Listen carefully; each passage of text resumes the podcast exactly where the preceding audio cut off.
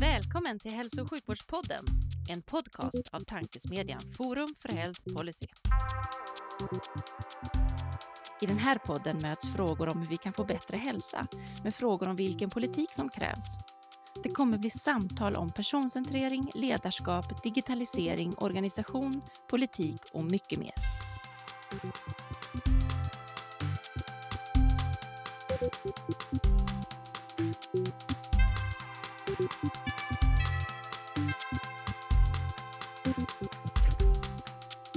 Hej och välkomna till Hälso och sjukvårdspodden, tankesmedjan Forum för Health Policys initiativ för att sprida goda idéer och tankar kring dagens och framtidens hälso och sjukvård och omsorg. Jag heter Magnus Lejelöw och arbetar till vardags för Colivia men är även ambassadör för Forum för Health Policy. Och vid min sida idag har jag förmånen att ha en gäst som sett hälso och sjukvården med den preventiva linsen och med företagshälsovårdens hatt. Varmt välkommen Peter Munk av Rosensköld. Tack så mycket Magnus. Så det är spännande att ha ett samtal med dig här. Ja, det här ska bli jättekul faktiskt. Väldigt. Men det är ju för att det är kul att spela in podden en onsdag förmiddag i, i januari. Ja, ja, precis. Det är ju det som är fantastiskt. Och vad kan man göra? Man kan inte göra bättre med tanke på vädret. Jag menar, vi, Exakt. Nej. För kontexten så spöregnar ute och vi sitter, jag sitter gömd i min källare och Peter sitter i lite mer kontorslikt rum här. Men vi, Ja. vi kastar oss rätt ut i, i frågan. Hur ser du? Tror du att svensk hälso och sjukvård ser ut 2040? Ja, det är en sån här 10 000 kronors fråga. Men jag tror faktiskt att det finns en avgörande Så, skillnad. så lite det, som 10 000. Jag tror att det är mer. Ja, mer, mer 10 miljarder kronors fråga kanske. Eller 100 miljarder kronors fråga. Det är nog snarare rätt. Eh, Jag tror att den ser rätt annorlunda ut. Framförallt så tror jag att det finns en avgörande skillnad. För det jag tycker begreppet som du säger, hälso och sjukvård, är rätt intressant. Det är att vi tenderar att klumpa ihop två begrepp i samma tes. Jag tror att vi har delat på det där. Jag tror att vi har ser att vi har ett hälsosystem och vi har ett sjukvårdssystem. Att vi har hittat det på ett annat sätt. Tror eller hoppas du? Eller både och? Jag hoppas. Ja. Kan vi säga. Det är min förhoppning att det blir så. Men eh, tro och hopp och kärlek Ja. hänger ihop så att säga. Så jag tänker att tron och hoppet det här hänger ihop. Hur skulle ditt hälso, hälsosystem se ut? Vad, vad, vad tror du kommer innefattas i det då? Eller hoppas du snarare? Ja, det vi ser är ju att, att mycket av dem, eller det snarare det vi funderar på väldigt mycket, det är ju liksom var finns människor i sin vardag? Var någonstans bedrivs hälsoarbete någonstans? Är det en speciell lokal? Är det när man träffar en läkare? Är det på sitt arbete? Är det på sin fritid? Var bedrivs det här arbetet för att se till att vi får en god folkhälsa? Och då kan vi konstatera att det är ju inte bara i sjukvården utan det finns en mängd andra arenor. Mm. Och det är där vi tänker att om man måste liksom inkludera övriga livet i så att säga hälso och sjukvårdsarbetet och möta människor där de är. Och också använda de incitament som finns på andra platser än i sjukvården för att se till att människor förändrar det som behövs förändras och stärker det som behöver stärkas. Och då tror vi att arbetsplatsen är en sån glömd arena. Mm. Eller vi vet att den är glömd, för det pratas väldigt lite om den som ett medel att skapa en god folkhälsa och ett preventivt arbete. Absolut. Och det är väl just det att separera hälso och sjukvård. Om, om man kan göra det så, så kommer man nog komma längre. Då kommer andra aktörer att komma in så som, Ja. så som ni och Friskis och Ica och lite, lite, lite andra aktörer. Alla andra liksom. Ja. Men du, Peter, du, och jag träffades på SNS samhällsprogram för en massa år sedan. Jag inser Ja. att det är en massa år sedan nu. Eh, Så vi har fått titta Ja. på, på... Så jag vet ju vem du är, men lyssnarna vet ju inte riktigt vem du är, skulle jag gissa. För, du, för ni på företagshälsovårdssidan är lite av doldisar inom hälso och sjukvårdssektorn till och från. Ja, vi är väldiga doldisar för väldigt många där. Mm. Mycket därför att vi inte bedriver hälsovård, vi bedriver inte sjukvård.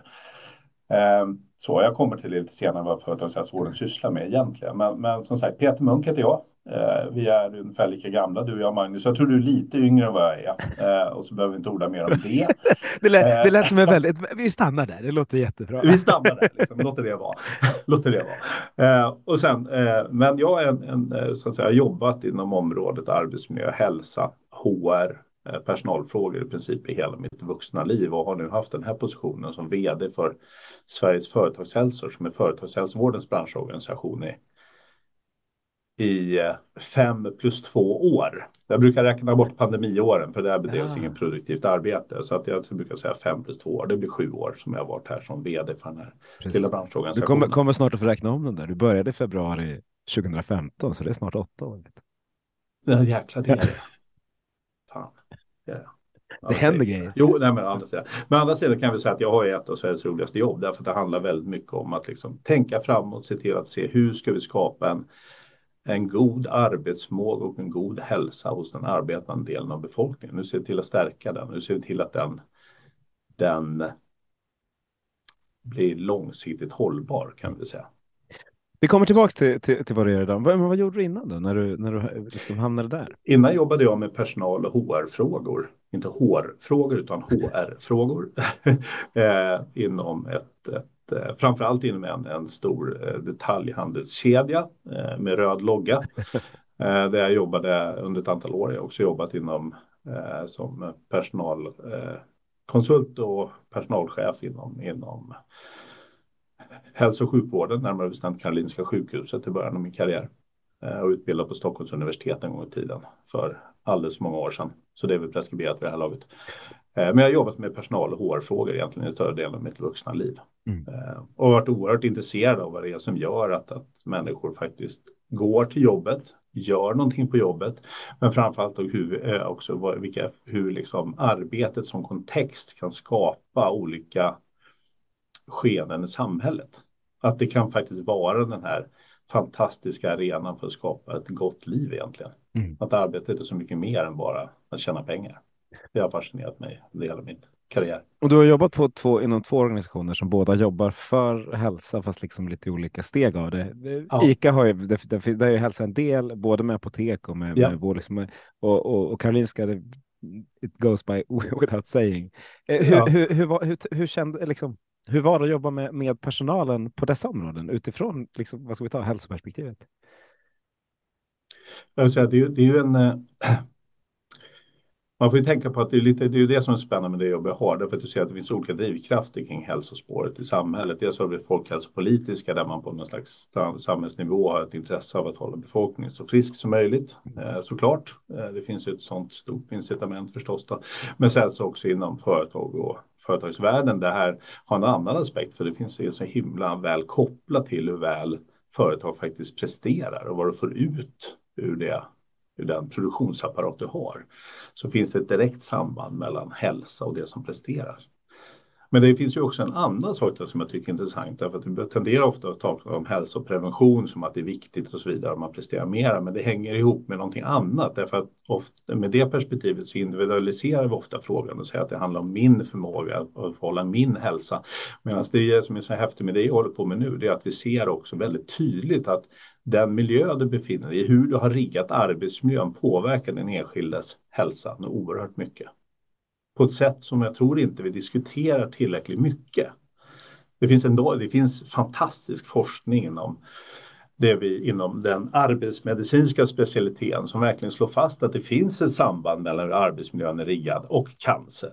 Hur arbetsmiljön är riggad och hjärtinfarkt. Hur arbetsmiljön är riggad och diabetes mm. och så vidare. Det är bara att börja lista alla de stora folkhälsosjukdomarna så finns det ett samband mellan hur du har det på jobbet och den sjukdomen. Och det innebär det ur vårt perspektiv som företagshälsa att liksom det finns verkligen en egentligen ett incitament på samhällsnivå att fokusera mer på hur folk har det på jobbet därför att det blir ju preventivt arbete. Då behöver vi inte, då kommer vi åt de här prediabetesen, vi kommer åt de här risken för hjärtinfarkt och cancer och allting sånt där. Det går att förebygga. Det är det som är så kul med det här jobbet, att vi ser verkligen att det går att förebygga. Men då måste vi rigga saker och ting lite annorlunda på samhällsnivå. Och då tar vi den frågan. Då. Hur, hur skulle du vilja rigga det på samhällsnivå för att det skulle, det skulle fungera? För, med... för, för, jag, tror, jag har intervjuat 85 gäster och sånt här i podden och alla pratar om prevention som en nyckel, något som vi inte lyckas med. Lite på grund av ersättningssystem, mycket på grund av att det inte är en del av sjukvården. Och nu pratar vi just det här hälsovården som du sa, det som är innan. Hur, hur skulle du vilja rigga det? Eller ni vilja rigga det? Ja, det vi skulle vilja rigga det är på något sätt att flytta saker och ting närmare där människor är. Jag menar, du och jag, vi är arbetande ålder eh, och jag menar, vi tillbringar både du och jag rätt mycket tid på vårt arbete. Så det är väldigt många som gör det. Som tjänsteman så har det här med 40 timmar, det är ju en, en, en, mer en målbild än kanske en reell bild av det man tillbringar på arbetet. Eh, och vi brukar tänka på att om man nu tillbringar 40 timmar minst i veckan, eh, 40 veckor om året typ, i 40 år på en plats. Liksom. då kanske vi ska börja fundera på om den platsen har någon betydelse i hälsoarbetet. Mm. För vi tillerkänner inte den värdet av den platsen, det värde som det egentligen borde ha i det preventiva arbetet. Och då tänker jag, det är precis som jag sa, att när jag sa 2040, att vi har delat på det här med hälso och sjukvård och börjat prata om i separata termer.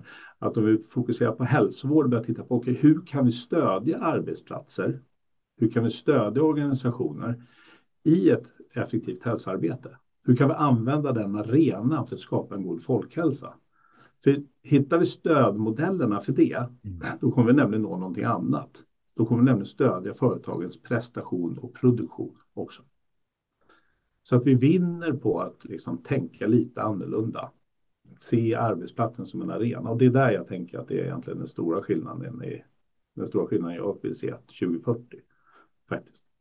Att vi utnyttjar den platsen när vi är på, på ett helt annat sätt. Och samtidigt så det, det, det, jag, det jag skulle ha emot det, det, det är ju att jag skulle vilja använda all den liksom data som du pratar om eh, mycket mer inom, det, inom sjukvårdsarbetet också. Så att vi liksom, så att vi verkligen använder hälsodata på, på riktigt. Och om vi separerar ja. så är, blir jag rädd för att vi jobbar silifierat snarare än Ja, så kan man ju tro. Eh, så kan man ju tycka med, med, med dagens IT-utveckling sett utav problemen idag. Det är ju att om vi tittar på den systemmiljö idag, då, hur vi jobbar med data generellt sett inom hälsoområdet, så är det väldigt differentierat. Mm. Men vi har ju fortfarande inte kopplat ihop journalsystemen mellan olika regioner, så att jag tycker väl att det finns en del att göra där. Och jag tror att mycket handlar om att vi måste skapa liksom också tillsammans, om vi delar på det här, så kommer vi också skapa effektiva samarbetsarenor. Liksom där vi på ett mer strukturerat sätt använder data. Eh, och där jag tänker också att, att eh, det borde att hitta sätt att dela data tror jag, det, det, är en annan utmaning som jag vet att man håller på att jobba med på regeringsnivå. Det var en intressant debattartikel om det för några dagar sedan och jag tror att det är väl en av nycklarna. Mm. Att vi börjar dela data med varandra, men också att vi börjar samla in adekvat data den datan vi har som företagshälsovården sitter på, den ligger utanför hela hälso och sjukvårdssystemet. Det är ingen som har tillgång till det. Eh, det pågår en del intressant forskning på den data som faktiskt finns på GH av alla ställen. Det är något som heter HPI-gruppen och den är lite spännande där man faktiskt har gjort och börjat tränga ner i alla de hälsoundersökningar som görs ute på alla svenska arbetsplatser. Det är en dryg miljon hälsoundersökningar som är gjorda och det kommer fram remarkabla data därifrån som har en direkt koppling till folkhälsoarbete. Men den datan har ju bara, har ju bara kommit till stånd genom att eh, eller få tag i genom att vi har intresserat lite forskare från GH kring det där. Eller så, där man har, har liksom börjat gräva den här datan. Och där tänker jag att ja, genom ett ökat samarbete med dela data mellan de olika enheterna, men också ett ökat fokus på faktiskt att stödja det preventiva arbetet där människor är och de platserna så kommer vi kunna nå på ett helt annat sätt att förebygga, förebygga mycket av de problem vi har idag i dagens hälso och sjukvård. Ja, absolut, för, för, för, det finns ju en massa härlig data just nu på, men, ta apoteken, där finns det massa data. Det finns en ja. hel del data hos, hos, oss som individer som vi inte använder i sjukvårdsarbetet. Eh, ni har data, det, liksom, det, finns en massa data där utanför. Var, ja, ja. Jag blir mer orolig för att man liksom, jag skulle vilja att ni blir mer kopplade till, till sjukvården så att det blir liksom hälso och sjukvårdsdel. Men det, det, är, det är nog rent liksom, lagrumsmässigt och det går väl att hantera också. Ja, det gör det. Men det finns en, men du har rätt i det. För det jag kanske ska berätta lite grann vad företagshälsovården sysslar med. Ja, men kör. Det tycker jag är en bra grej. Ja, ja. För jag tänker att företagshälsovården, när man pratar om företagshälsovård, så är begreppet vård ibland lite problematiskt. För det är det företagshälsovården sys inte sysslar med. Företagshälsovården jobbar inte med vård och behandling, utan det är primärvårdens primära uppgift. Utan vårt jobb är ju att liksom identifiera och förebygga risker i arbetslivet och identifiera samband mellan organisation, individ och hälsa kan vi säga i sånt. Eh, vi brukar säga att, att det egentliga syftet med det vi gör det är att se till att människor har en god arbetsförmåga. Det begreppet i sig är väldigt intressant. Eh, det är ett väldigt intressant begrepp därför att det inbegriper liksom egentligen hela livet där man liksom tittar på hur balanserar du individens funktionsförmåga med den arbetsmiljö du har i syfte att personen ska kunna arbeta. Mm. Så att vi jobbat dels med det som handlar om individens funktionsförmåga men också hur arbetsmiljön är beskaffat. Och det här, de här två parametrarna är oerhört viktiga, viktigt i det som är en av våra huvuduppgifter och det bistår arbetslivet med arbetslivsinriktad rehabilitering. Alltså efter en operation, efter en sjukdom, framförallt vad gäller utmattningssyndrom och en hel del annat så är ju många av de som jobbar hos oss experter på att se till, okej, okay, hur ser vi till att få tillbaka den här människan i arbete så fort som möjligt? För det är helt och hållet beroende på den enskildes funktionsförmåga och hur du liksom matchar den mot den arbetsmiljö och de arbetsuppgifter som finns på arbetsplatsen och hur du taktar det här ihop. Och det kan vi säga, det är väl en av kärnorna i det som företagshälsovården sysslar med. Och där finns det en möjlighet att skapa ett samarbete som idag inte finns tillräckligt väl. Där jag ser att genom att skapa ett samarbete med de som jobbar med arbetslivsinriktad rehabilitering, företagshälsovård och till exempel eh, primärvården och de läkare som jobbar med vård och behandling. Ja, men där kan vi hitta ett bra samarbete. Men då måste vi också bygga in det i systemet.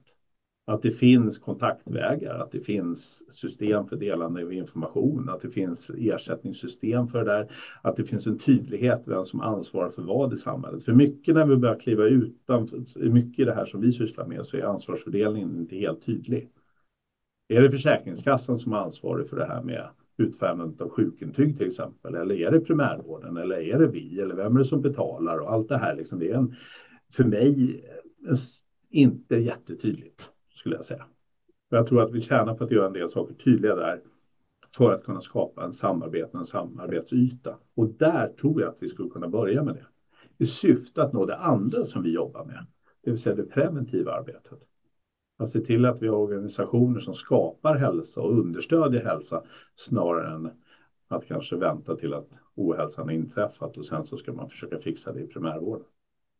Så där tror jag att det finns en hel del att göra. Och det är där vi kämpar och tänker en hel del, kanske lite annorlunda och försöker söka samarbeten med en rad aktörer och har gjort under många år att få det här till stånd. Mm. Ett av våra problem som vi har som, som företagshälsovård, brukar jag säga att vi består ungefär, den här branschen består av ett hundratal företag och organisationer som, som, som eh, är medlemmar i den här föreningen och också klarar de krav som man kan ställa på en företagshälsovård, alltså de krav som står i arbetsmiljölagstiftningen. Eh, de här hundra företagen och organisationerna består av ungefär 4 500 000 individer. 5 000 personer, det är ungefär lika många som anställda på Region Gotland. Vilket innebär att hela företagshälsovården, styrkan som arbetar med företagshälsovård i Sverige är ungefär lika stora som Region Gotland. Och då brukar vi tänka på att vi som branschorganisation, som bransch, vi, vi känner oss lite grann som lillebror som sträcker upp handen och säger hej, får vi vara med också? Vi kan det här. Och så hoppas vi att de där stora killarna som är på festen lyssnar på oss ibland. Precis. Som består av resten av hälso och sjukvårdssystemet i Sverige. Så, så ni, ni, fokuserar på vecka 27, vecka 29 och vecka 34 eller vad det är? Ja, ja exakt. Ja, men det är verkligen så. ja, faktiskt. Ja. Ja, men, men spännande. Det är två, två områden. Vi, kan, vi börjar med det första, tänker jag. För det, det, du, det du pratar om där eh, handlar... Du beskriver den goda nära vården för en arbetstagare i mångt och mycket. Ja. Hur, hur ser ni att ni jackar in i? För nu vi har det liksom, vi har ett movement just nu som handlar om, om ja. god och nära vård och som enligt vissa är kejsarens nya kläder, enligt andra, andra är det absolut bästa som, som kommer att hända. Och, och jag ja. tänker inte lägga någon värdering i det, men jag tänkte hur, hur, vill, hur skulle ni från företagshälsovårdssidan tycka att ni passar in där? Vi tycker vi passar jättebra in i det där och beroende på hur man definierar god och nära vård. Då. Så ja. Det handlar om definitioner av det. Men men jag tänker så om vi tittar på primärvård till exempel och definitionen av begreppet primärvård. Är det bara att liksom så att säga slutar primärvårdens ansvar vid dörren till vårdcentralen?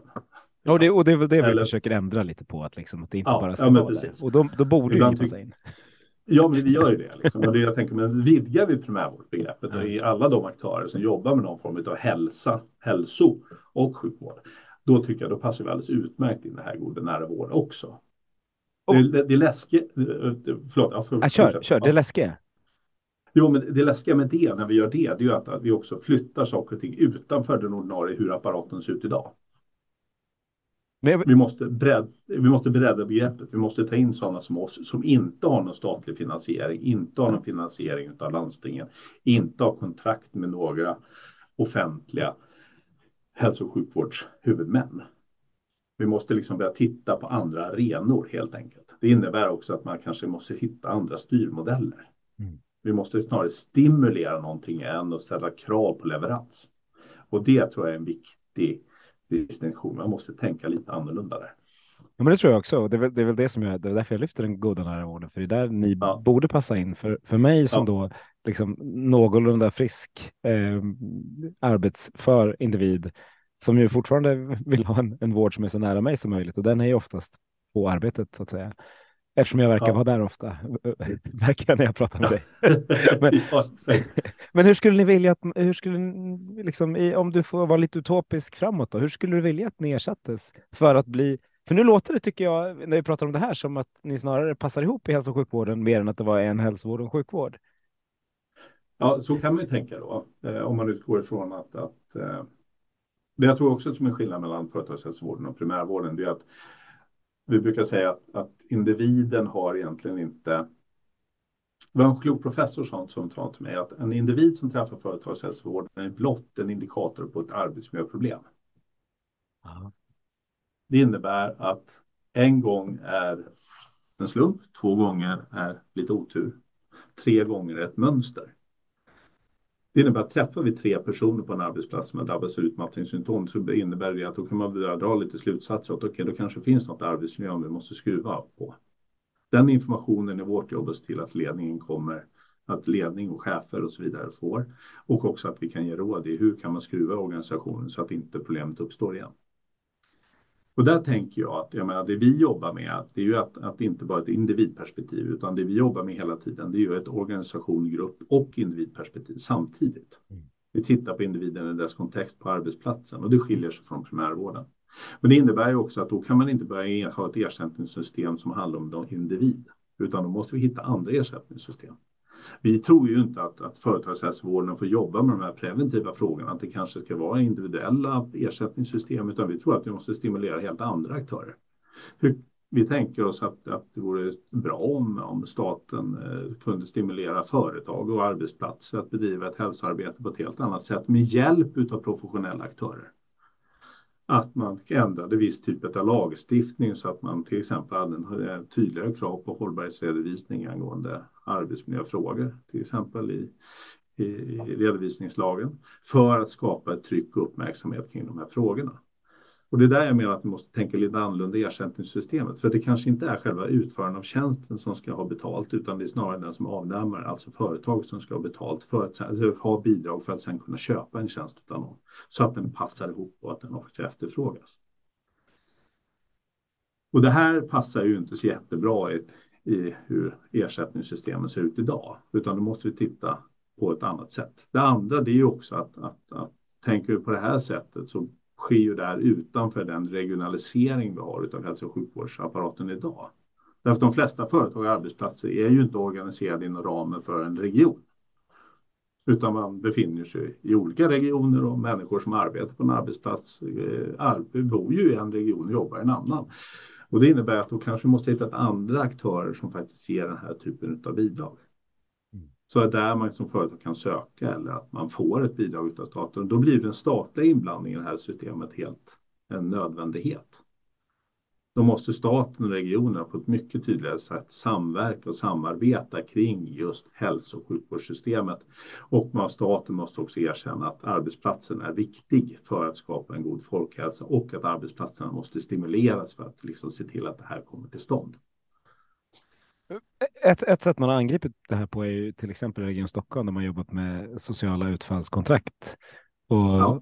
och liksom försökt att vända på det, plocka in externa medel för att eh, ni kan lyssna på, på den här podden avsnitt 26 eller så som var Fredrik Söder ja. med. Men, men hur, hur, ser ni liksom, eh, från ert håll på det här med med, med, sociala investeringsfonder och sociala kontakter. Pengar kommer från, från annat håll, men som, som ju lite bökar till det i det ekonomiska regionala systemet, men som faktiskt löser lite av det du pratar om. Jag tänker att det kan vara en alldeles utmärkt idé. Jag tror att det kan vara en alldeles utmärkt idé. Att man liksom, för att ta sig, om inte annat, för att se till att kunna investera sig över den hälsopuckel vi har. Eh, att vi verkligen ska kunna få till stånd de här strukturerna som behövs. Så jag tror jag sociala utfallskontakter är alldeles utmärkta. Men då måste ju de vara nationella. Det går inte att ha det regionalt. För då träffar ju inte det företag och arbetsplatser som är, ofta är nationella. Jag tror det kan vara en alldeles utmärkt idé. det. Eh, men jag tror också att det ska vara fokuserat inte på kanske på en enskild diagnos eller på en enskild så, utan snarare titta mer på okay, hur skapar vi ett gott hälsoarbete generellt sett på en arbetsplats utifrån de behov som finns på den arbetsplatsen. För det skiljer sig mellan vilka, liksom, vilka risker och riskscenarion som finns på Eh, i Scanias motorblocksgjutningsfabrik och på den arbetsplats jag befinner mig på det här kontoret på Svenskt Näringsliv. Det är två helt olika riskscenarier. Det är två helt olika hälsorisker som finns på den här arbetsplatsen. Och då måste man arbetsplatsen själv tillsammans med en aktör kunna anpassa insatserna så att man förebygger de hälsoproblem som finns, potentiella hälsoproblem som finns på just den arbetsplatsen. Så tänker vi kring det. Mm. Eh, eh, har du sett någonstans i världen där man, där du tycker, eller där ni tycker att man har kommit liksom löst det här på, i någon form, där, där, där företagshälsosidan faktiskt är en del i systemet eller att de blir ersatta på rätt sätt? Ja, det finns några ställen faktiskt. Det är Holland. Eh, det finns en, bra, en del bra initiativ i, i Storbritannien. I Finland finns det. Eh, så det finns på platser. Ja, det gör det. Berätta, vad, vad, vad, är det som gör att ni tycker att de initiativen är bra? Det är roligt för övrigt att när jag brukar ställa den frågan om sjukvård generellt så kommer alltid Nederländerna och Storbritannien upp oavsett hur vi pratar. Så det, det verkar som det hänger ihop det där. Konstigt. Jo, men det hänger ihop. Eh, eh, varför det är bra? Jo, men därför att jag tror att det är två Dels har man erkänt att, arbets, faktiskt att arbetsplatsen har en betydelse. Att vi som arbetande befolkning, den arbetande delen av befolkningen faktiskt är på en plats rätt många timmar per dygn som faktiskt också har betydelse för hela hälsoarbetet, hälso och sjukvårdssystemet. Det är den ena saken. Eh, den andra saken var, tror jag också att man erkänt att, att, att liksom det krävs Alltså att de små bekymmer som du och jag har, Magnus, att de har betydelse i långa loppet. Ja. Att det är faktiskt viktigt att vi sköter vår hälsa, att vi liksom sover ordentligt, att vi inte dricker för mycket, att vi äter, att vi motionerar och sådär. Att de sakerna är viktiga, att, de, att jag också får hjälp med eventuella problem jag har rätt snabbt. Därför att får inte jag hjälp med dem nu så kommer det kosta en himla massa pengar i hälso och sjukvårdsapparaten sen. Och det tror jag att man har en insikt i. Så. Och Finland har ju det sen naturliga helt, jag menar, de, efter kriget där så var de och det, då, då, då lär man sig tänka det att liksom, ja, man, nu ska jag få tillbaka folk som varit ute i krig och, börja, och få dem att börja jobba igen. Ja, men då måste vi se till att liksom, vi är där, mm. de här människorna som finns som har blivit skadade i kriget. Och se till att hjälpa till med anpassningar på arbetsplatsen och se till att ta hand om de här bekymren så att folk kan vara på jobbet. Men, för, för det låter så självklart när du säger det. det det känns ju egentligen som du, du säger att de har förstått att vi liksom att även mm. vår hälsa på, inom, eh, inom arbetslivet är viktig. Och det, det, har ju vi också förstått i Sverige. Vi är ju inte så dumma är vi ju inte. Eh, Nej, men, förstått det. Ja, ja. men, men, men vad, vad, är det så, vad, vad, tror du? Eh, vad tror du är anledningen till att vi inte liksom gör mer som i Finland då? Är det att vi har varit i fred? Eller. Nej, nej, nej, inte alls. Jag har funderat mycket på det och jag har liksom inget riktigt bra svar på det. Men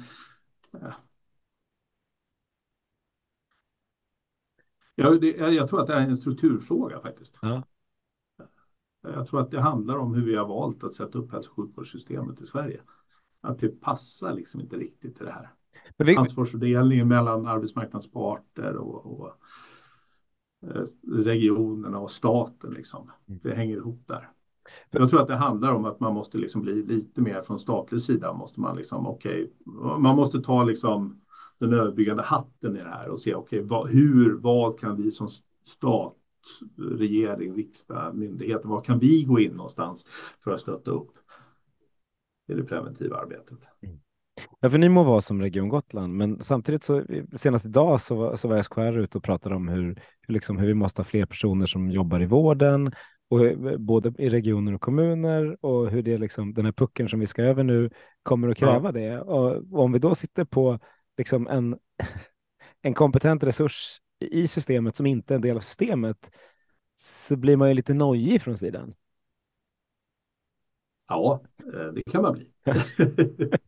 det kan man bli. Det kan man bli.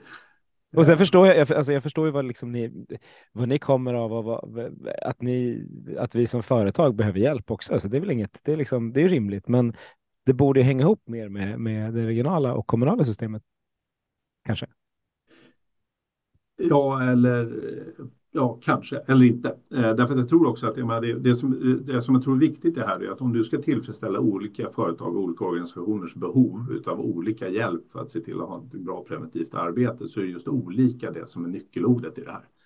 Ja, det innebär att du måste, du måste ju lita då på att företag och företagshälsa tillsammans klarar av att lösa den problematik som finns på just den arbetsplatsen. Och det innebär ju då att du kan ju inte kontrollera, det är väldigt svårt att kontrollera i form av processer, rutiner, vårdprogram och så vidare. Det går ju inte riktigt. Därför det kanske inte är ett vårdprogram som behövs på den här arbetsplatsen, utan det vi behöver göra på den här arbetsplatsen till exempel, det är att vi behöver utbilda chefer och ledning i hälsoarbete, eller vi behöver sätta igång en, inte vet jag, vi behöver genomföra ett, ett hälsoundersökningar på alla så att vi ska få koll på läget, hur populationen mår, identifiera riskgrupper och se till att starta antirökprogram eller vad det nu är för någonting. Men det måste man ju göra på arbetsplatsen. Men, men då, då, då utgår du från, från, arbetsplatsen och samtidigt så har du en massa patienter ja. som ju lever ett liv utanför också och som, som ja. liksom påverkas av, av, av, av sjukvårdssystemet, om vi tar bort hälsodelen då, i, i övrigt. Ja. De, de borde ju liksom lira med varandra snarare än att, de lirar, att man utgår från arbetsplatsen på ena stället och från patienten på andra. Ja, det har du helt rätt i. Och det är där jag tänker att vi måste skapa samarbete mellan de olika enheterna på det här sättet. Mm. Men jag vet ju att det idag är svårt eh, att eh, våra läkare hos oss, våra arbetsmedicinare upplever att det är svårt att få kontakt med primärvården. Vi har en del inbyggda svårigheter. Jag vet att vissa regioner så kan inte företagshälsovården remittera till en specialist till exempel, utan du måste skicka för, först till primärvården och sen till en specialist när det behövs. Eh, vi kan liksom inte det finns liksom ingen, inget eh, i, i de fall där det finns vissa samarbetsmodeller så vet jag, hör jag från vissa, vård, eh, vissa då, primärvårdare att man är lite orolig att koppla in företagshälsovården därför då tappar man pengar. Så det finns en del sådana här saker som vi måste överbrygga. Men jag tror att, liksom att, att om man från, stat, eh, från både regioner och staten framförallt pekar ut att liksom, nej, men det här är här måste vi skapa ett samarbete. Det är viktigt att vi får ihop det här. Vi måste lösa det här. Då tror jag att bara genom att peka ut den riktningen och erkänna liksom att det här preventiva arbetet på de platser där du och jag befinner oss är viktigt så kommer vi ändå komma en rätt lång bit på väg. Mm. För det är ingen som riktigt säger det. Då. Finns det någon, histori om... finns någon historik sådär? Så, så, så, som man behöver lägga till som krydda på den här? Ja, det finns eh, hur mycket historik som helst. Eh, som jag tycker det, när man har varit i det här jobbet ett antal år och börjat läsa en massa utredningar så kan väl dels kan man konstatera, det är det som är så spännande, att tittar vi på mängden utredningar kring företagshälsovård och just hälsovård och hur det ska samverka, så den mängden utredningar som har gjorts är ju icke försumbar om vi säger så. Eh, så att är det någon som är intresserad så kan man gå in på, på regeringens hemsida och så slår man in företagshälsovård och så tar man upp alla interpellationer och alltihopa. Så har man det gör ett halvår eller så och läsa det där. Men jag tycker den historien som ändå speglas i det här, det är liksom att man inte riktigt har hittat rätt någonsin egentligen i den här frågan kring hur ska vi se till att bedriva ett preventivt arbetsmiljö, ett systematiskt preventivt arbete på arbetsplatserna som främjar folkhälsan. Hur ska vi få ihop det samhällssystemet? Mm. Och det är väl det som är bilden för mig sedan länge. Det har funnits många vällovliga initiativ. Det fanns ett initiativ på, på 80-talet så skrev, skrev eh, en enig regering under en ILO-konvention som heter ILO 161 om att alla ska ha rätt till företagshälsovård skriver man under och så la man ett statsstöd på det. Eh, och sen så i samband med 90-talskrisen tog man bort det där statsstödet. Eh, och så införde man ett nytt 2008 eller 2009 tror jag. Eh, och sen tog man bort det. Jag tror att det är så här att man, man en av de tankevurpor jag tror att man har gjort under åren, det är att tro att för att du ska kunna bedriva ett preventivt arbetsmiljö och hälsoarbete med arbetsplatsen som arena så har man valt att stimulera företagshälsovården istället för att stimulera arbetsplatserna. Det är en tankevurpa jag ser att man har gjort. Och jag tror att historiken i det, när jag tittar på det här, så tror jag att ibland om man ska vara snäll och tänka på vår regering och riksdag, vad de kan göra, ja, de kan ge pengar och de kan stifta lagar. Det kan de göra. Vi har statsstödsregler och det är lite krångligt i det här med att släppa ut pengar till näringslivet och till arbetsplatserna. Det blir inte, det är man lite orolig för. Men jag tror att man måste släppa den oron och faktiskt lita på att med rätt stimulansmodeller, eh, med rätt verktyg, rätt stöd så kommer de allra flesta arbetsplatser kunna vara en del i folkhälsoarbetet, att vara den här preventiva arenan. Mm. Jag tror att det handlar om att tänka lite annorlunda. Men det innebär ju också att vi måste flytta, ut, måste flytta den här frågan utanför det befintliga systemet var idag. Det måste ut på arbetsplatser, ut till dig och mig, ut till oss som chefer. Mm. Så, så att vi kan jobba med det där. Den andra intressanta saken där du sa som jag tycker är spännande, det var en av de stora frågorna som, som företagshälsovården jobbar med rent preventivt, det är ju alkohol och drogprevention på arbetsplatsen. Mm.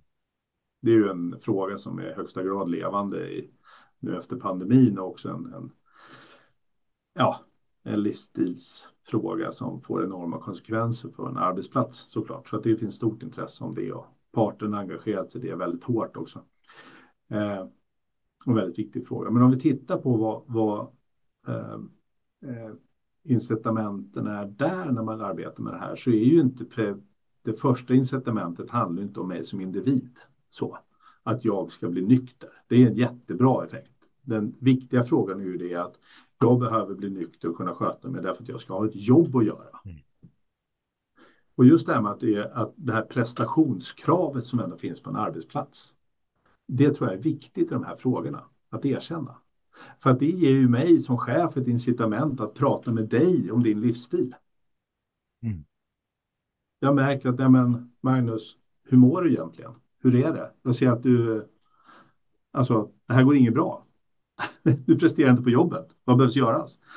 Ja, då finns det ju där ett incitament att faktiskt sätta dels en arena för att ta ett samtal. Det finns en arena också där det finns vissa krav som jag måste, som arbetstagare måste uppfylla. Och de kraven i kombination med den här arbetsplatsen gör ju också att det finns en större chans att jag som individ faktiskt förändrar mitt beteende, min livsstil. Att jag tar tag i de hälsoproblem jag har. Därför att det är kopplat till min jobb och min försörjning. Mm. Och där tror jag att liksom det här kanske inte ska säga det. Jo, men det var faktiskt en psykolog som får jobba med alkoholfrågor. Han sa att ja, arbetsplatsen, de flesta insatser vad gäller vård och prevention är ju frivilliga. Men stoppar du in det i en arbetsplatskontext så blir det ju inte riktigt frivilligt. Så. Nej. Därför att får jag en fråga chefen, får jag en fråga min kollega, börjar vi prata om det här på arbetsplatsen, ja, då kanske inte riktigt frivilligt att jag tar tag i de här hälsoproblemen jag ändå har. Och på, och på tal om frivilligt, där, för du nämner alkohol och narkotika i samma andetag. Ja. Och det är ju två, för ja. mig, olika djur, eftersom det ena är, är, är, lagligt och det andra inte är det. Båda är ja. ett arbetsmiljöproblem eller ett liksom, arbetstagarproblem, men, men man måste hantera dem på rätt olika sätt, tänker jag. Hur, Ja, det är det. Hur gör ni där? Samtidigt, hur vi gör det. Men alltså det vi fokuserar, det är inte så mycket den lagliga delen, utan vi fokuserar på att se till att saker och alltså, Du kan jobba preventivt med båda frågorna kring olika sätt. Liksom. Ett sätt är ju liksom att ta ja, slumpvisa drogtester och så här, men det handlar ju väldigt, väldigt mycket om att se till att utbilda folk, se till att ha processer, rutiner, policies på plats, att man liksom vet hur, dels hur man ska förhålla sig till när ett problem uppstår, men också faktiskt se till att problemet överhuvudtaget inte uppstår på en arbetsplats att se till att ha så bra problem så att dels att man, där, att man ser till att de människor som, du, som är relativt friska inte hamnar i ett, i ett skadligt bruk och beroende. Men sen så också handlar det om att kunna ta hand om det de gånger det uppstår. Och just det här med att se till att folk inte hamnar i en situation. Ja, men det är ju helt andra processer än att ta hand om det när det redan har hänt. Absolut. Som all prevention. Ja. Och där är det, jag bara, det vi jobbar som, ja. som, som, som arbetsgivaren är liksom, den, ena är, den ena kan man prata om öppet och fullt ut eftersom det handlar om en liksom legal substans. Och den andra ja. kan man också prata om, men den är liksom bökigare som djur eftersom det är rätt olagligt. Ja, den är jättebökig som djur kan jag säga. Eh, det är det ju. Sen kan man ju välja att inte prata om det därför att det är bökigt. Jag tycker snarare att det måste man prata om det också då. Ja, då ska man ju tala om att det är olagligt. Det är jävligt olagligt att knarka. Det är väldigt, väldigt olagligt.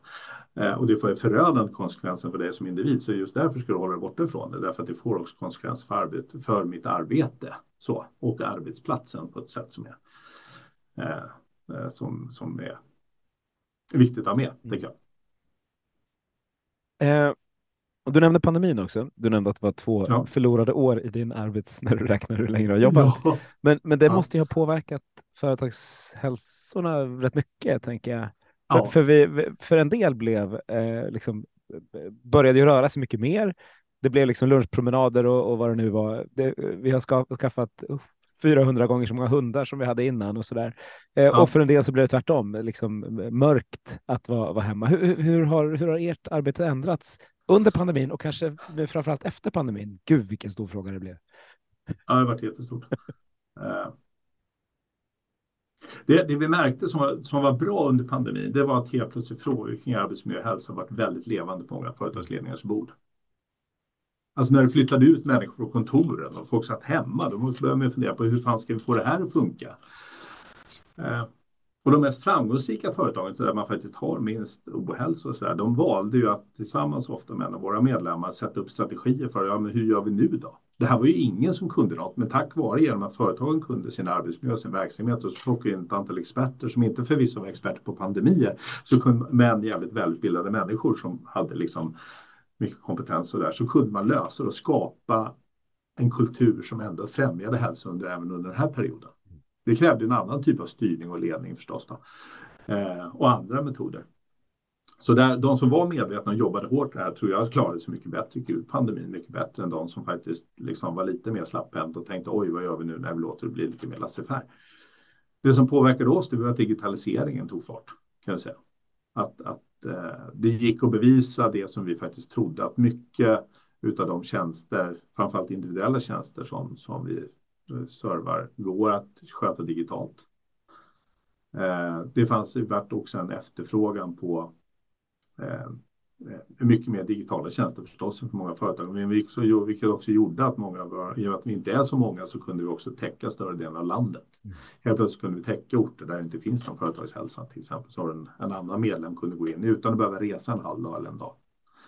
Så det var en av de största påverkan. Den andra påverkan skulle jag säga, det var ju också att, att vi märkte på det var så tydligt hur viktigt den sociala kontexten är på arbetsplatsen. Därför att vi märkte dels en uppgång i psykisk ohälsa. Eh, det var så tydligt också kring det här med att arbetsplatsen har betydelse.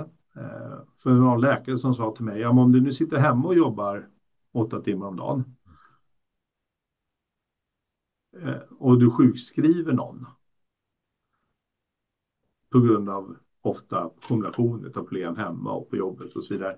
Vad sjukskriver du den från egentligen? Den är ju kvar på samma plats. Det enda som händer är att du slår igen datorn eventuellt. Så, det är det som händer. Är det ett effektivt sätt att jobba med rehabilitering till exempel? Eller med sjukskrivning? Så att det väckte en hel del frågor hos oss kring, kring det här med arbete, arbetsliv och arbetsplatsens betydelse och hur det skapar ett socialt sammanhang när du inte träffar varandra. Här saker. Det var den ena saken. Den andra saken var, det var, gjorde att det var så uppenbart att arbetsplatsen inte har en betydelse, eh, att arbetsplatsen, att dagens hälso och sjukvårdssystem inte tar med arbetsplatsen när den tänker befolkning. Vi har, som ni vet, så var det du och jag hade förmånen att sitta hemma. Men ungefär 40 procent av svensk arbetskraft och svenska befolkningen var ju på sina arbeten. Vi hade situationer där vi i samband med, och det här är helt bisarrt, Eh, jag pratade med, med ett äldreboende eh, där man skulle gå ut och vaccinera de äldre på äldreboendet mm. eller på omsorgsboendet. Vi föreslog då att företagshälsan skulle ut och vaccinera personalen samtidigt men fick nej från regionen. Därför att personalen skulle åka iväg och vaccinera sig på en annan plats. Vi hade stora företag stora ledande industriföretag med full produktion igång. Mm. Där vi försökte säga till regionerna, hej, vi kan vaccinera. Vi kan åka ut dit och stoppa, vi kan lösa det. Vi behöver, vi behöver kostnadstäckning, vi kan lösa det. Vi hade med oss arbetsmarknadsparter, Svenskt Näringsliv, alla tyckte det här var en bra idé. Regionerna sa nej. Det går inte. Vi ska ta alla de som finns på, skan, eh, på en fabrik och sen ska de åka till sin hemkommun eller hemregion och så ska de vaccinera sitt vaccinationsfält och sen ska de åka tillbaka. Det vore jätteintressant att se hur mycket produktionstapp vi hade. Å andra sidan fanns det några där vi lyckades få igenom i några regioner på några arbetsplatser där vi kunde vaccinera och då såg vi ju det att liksom, ja, folk behövde vara borta ur produktionen kvart eller då man skulle sitta en kvart efter vaccinationen, då kunde man vara borta ungefär 20-25 minuter från produktionsapparaten. Så. Det var ju till och med så vet jag att på vissa eh, sjukhus och en del andra ställen så vaccinerades inte all personal på sjukhuset utan man var tvungen att åka iväg till en vaccinationsstation. Och då tänker jag att det här var så tydligt att vi i när vi tänker hälso och sjukvård idag så har vi inte arbetsplatsen med i beräkningen. Vi tänker inte de här åtta timmar om dagen, 40 timmar i veckan, 40 veckor om året, 40 år. Vi tänker inte att det har en betydelse. Och, och, och ännu värre, vi tänker inte på patienten. Eh, för Nej. om jag ska vara ärlig, om, om jag ska åka iväg, alltså behöver åka iväg från, om vi nu var i Södertälje i ditt exempel, och åka ja. hem till Sollentuna, eh, så är det, det är ju en jättepåverkan för mig som, som individ ja, ja. och som patient. Och då produktionsbortfall, så det blir liksom en, en dubbel, dubbelfel. Ja, och det värsta var, vi hade en stor statlig myndighet som eh, är väldigt viktig i dagen som i början av pandemin flög ner folk från Boden till Stockholm. Det var ett rykte som gick i varje fall. Men där man, där fick en propå att du skulle, i och med att du skulle vaccinera din hemregion till att börja med, så var du tvungen att flytta folk till hemregioner och det kan ju bli problematiskt. Nu löste man ju det mellan regionerna till slut, då, men bara att, bara att liksom, man tänker så. Det ju lite jobbigt. Det kan jag tycka att då, då behöver vi tänka lite annorlunda. För att skapa en god och nära vård. Precis. Men vad har ni lärt er efter? Vad, vad har hänt efteråt då? För nu börjar ju en, liksom, företagen gå tillbaka lite olika mycket. Eh, en del eh, helt hybrida och helt remote. En del är, eh, liksom, eh, ska man vara fysiskt på plats, eh, även då bland oss tjänstemän. Hur, eh, hur har det påverkat ert arbete? Det, det, det, det, har påverkat oss rätt mycket skulle jag säga. För att därför att en av de sakerna som vi har pratat väldigt mycket om det är att varje arbetsplats eh, på sätt och vis är unik och varje plats har sin verksamhet och därför måste du styra och leda den precis som utifrån de verksamhetens förutsättningar. Och det är det som är så härligt nu. Att nu måste man som arbetsplats, man måste tänka på de här frågorna. Vad passar hos oss? Och då måste man ha koll på sin verksamhet och de riskscenarion och den arbetsmiljö man har. Så där vet vi att våra medlemmar är inne rätt mycket och rådger och pratar med företag. Hur ska de tänka? Därför att det är ju inte givet att det är samma sak på ditt företag som på mitt, skulle jag säga.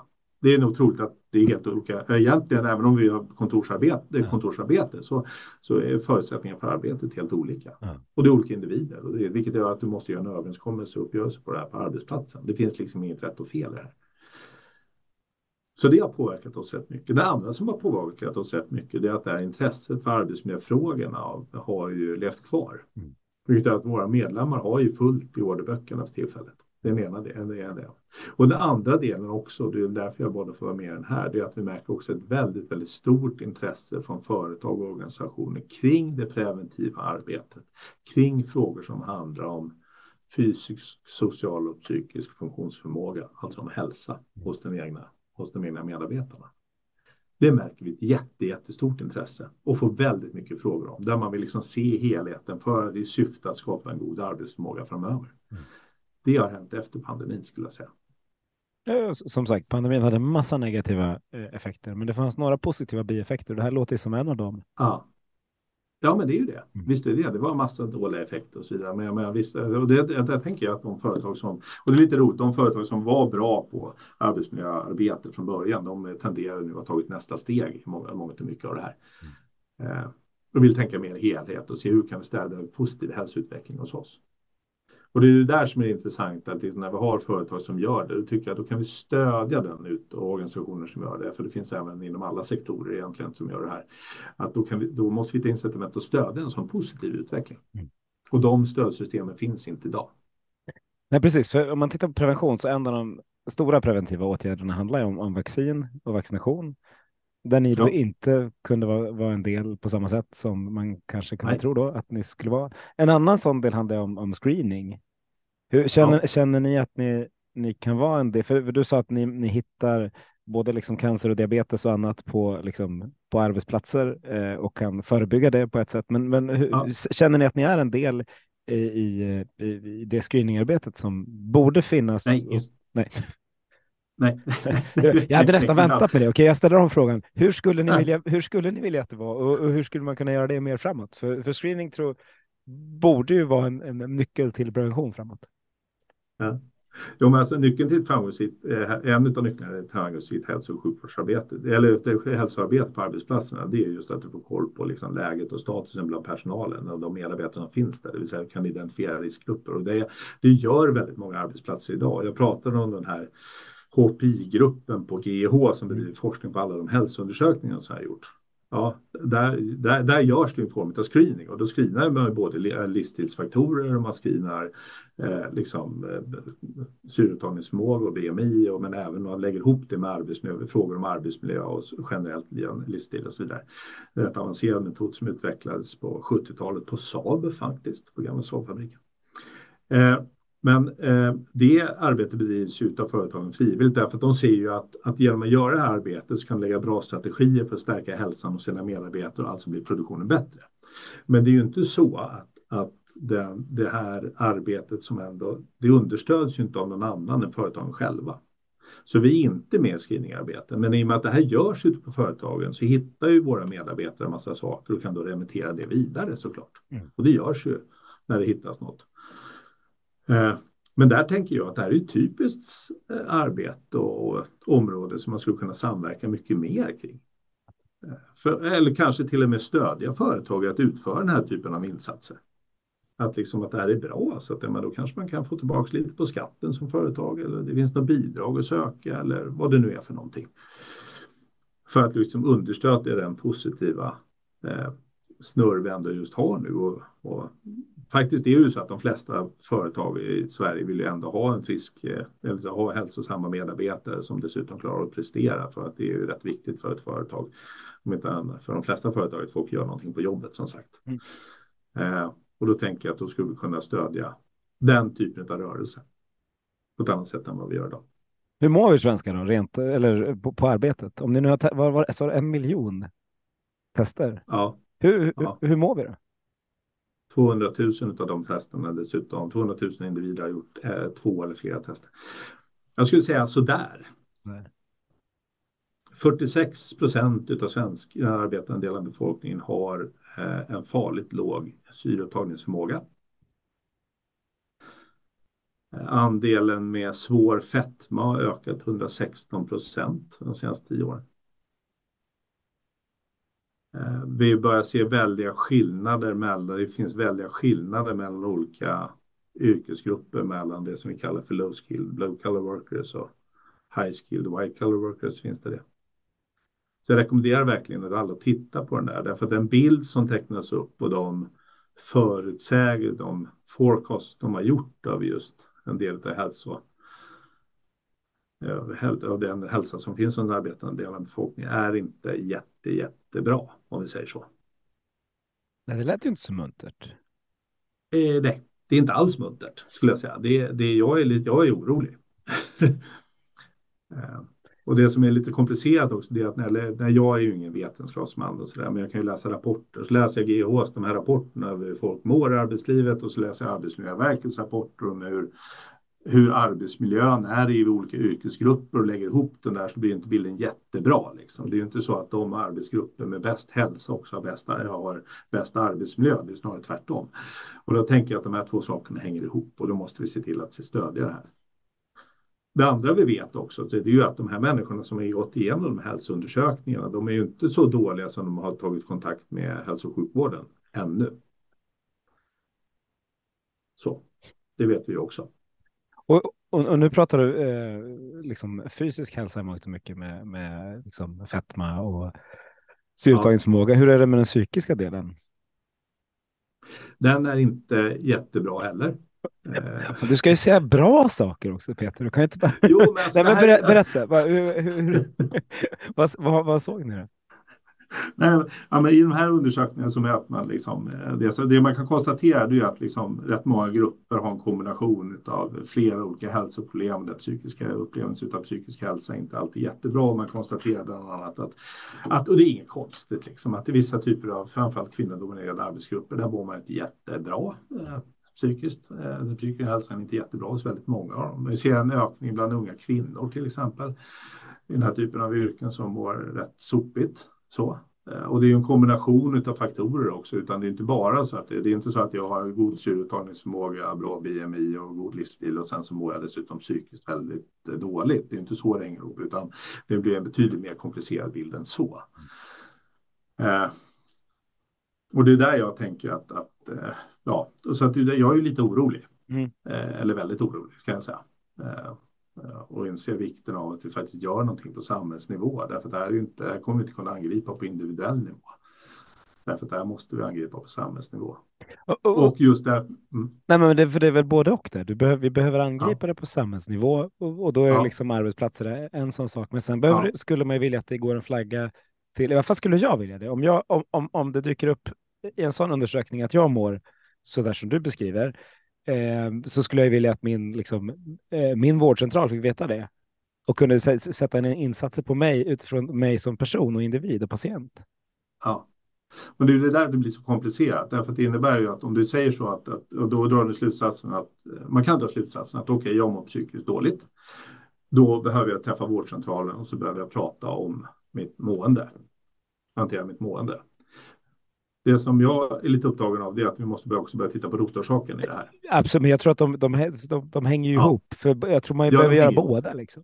Ja, du behöver göra båda. Du måste, både, du, måste, du måste titta på organisation, grupp och individ ja, samtidigt. Precis. Det är det vi måste göra. Och det, och det, och det här är att bli så här silonervös när jag hör. För, ja. för, för din, din lösning är liksom utifrån är, är, är, dina medlemmar är ju helt rätt. Och samtidigt utifrån mig som patient så behöver jag båda. Ja, men det är såklart att behöver båda. Och det är där vi måste bygga de här kors, korsbefruktande systemen. Det vill säga att det måste innebära att det är, man tillerkänns, att, att, att både det preventiva arbetet, det här förebyggande arbetet, tillerkänns samma vikt som sjukvårdsarbetet mm.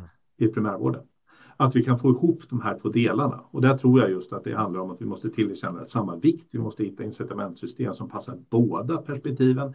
Vi måste se till att, att det finns kontaktvägar mellan de här olika systemen på ett bra sätt som är effektiva. Mm. Vi måste se till att vi understödjer en positiv utveckling där människor är samtidigt som vi kan få till att sådana som du och jag får snabb hjälp med det vi behöver hjälp med. Och det här tänker jag, och då befinner vi oss i gränslandet. Då befinner vi oss liksom utanför dörren till vårdcentralen.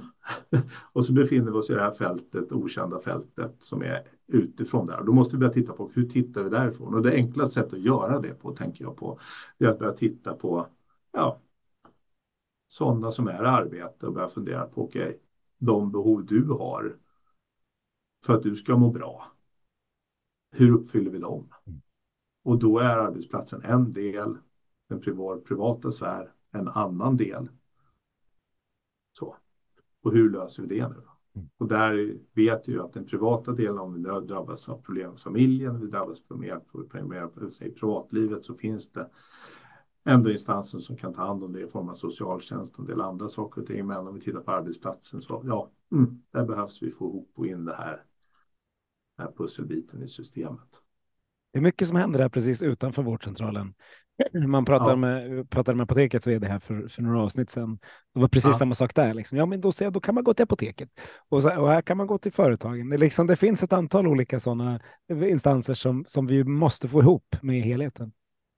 Ja, men jag tror det. Och jag, och jag tänker att där är det ett, ett, ett statligt... Alltså regeringen måste ta någon form av styr. Det kanske är Hälsomyndigheten eller vem det nu är. Börja titta på ekosystemet mm. som det så populärt heter numera.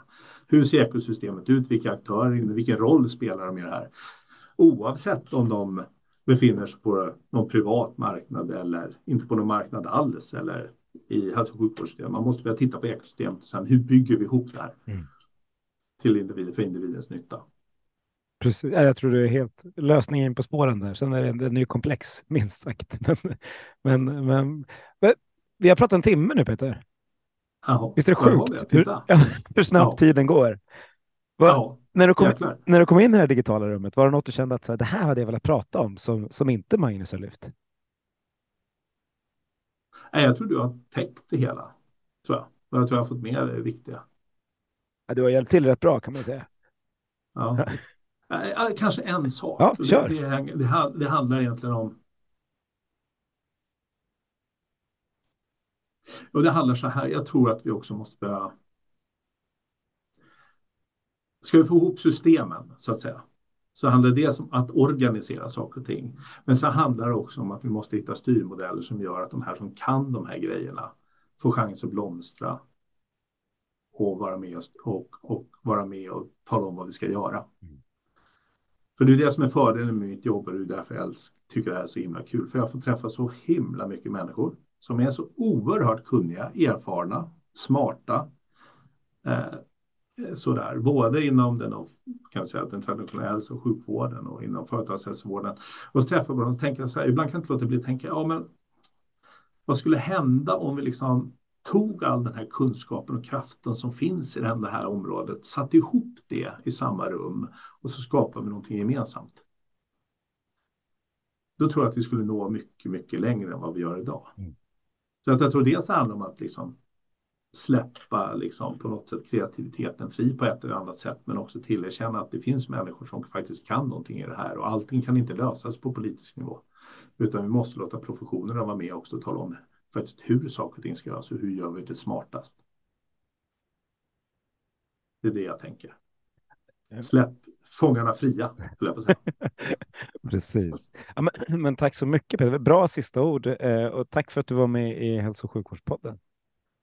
Tack så hemskt mycket Magnus. Jättetrevligt. Då får vi ta och spränga lite silos igen och knyta ihop de här systemen och försöka skapa, ja. skapa ett system där, där alla kan vara med och bidra oavsett eh, var man kommer ifrån. Men så länge vi utgår från patienten så lär vi ju kunna, kunna komma dit om vi vågar börja ja. göra det. Precis, det är en baggis. det är en baggis. Och tack alla ni som har lyssnat. Hörni. Nu går vi ut och förändrar svensk hälso och sjukvård till det bättre.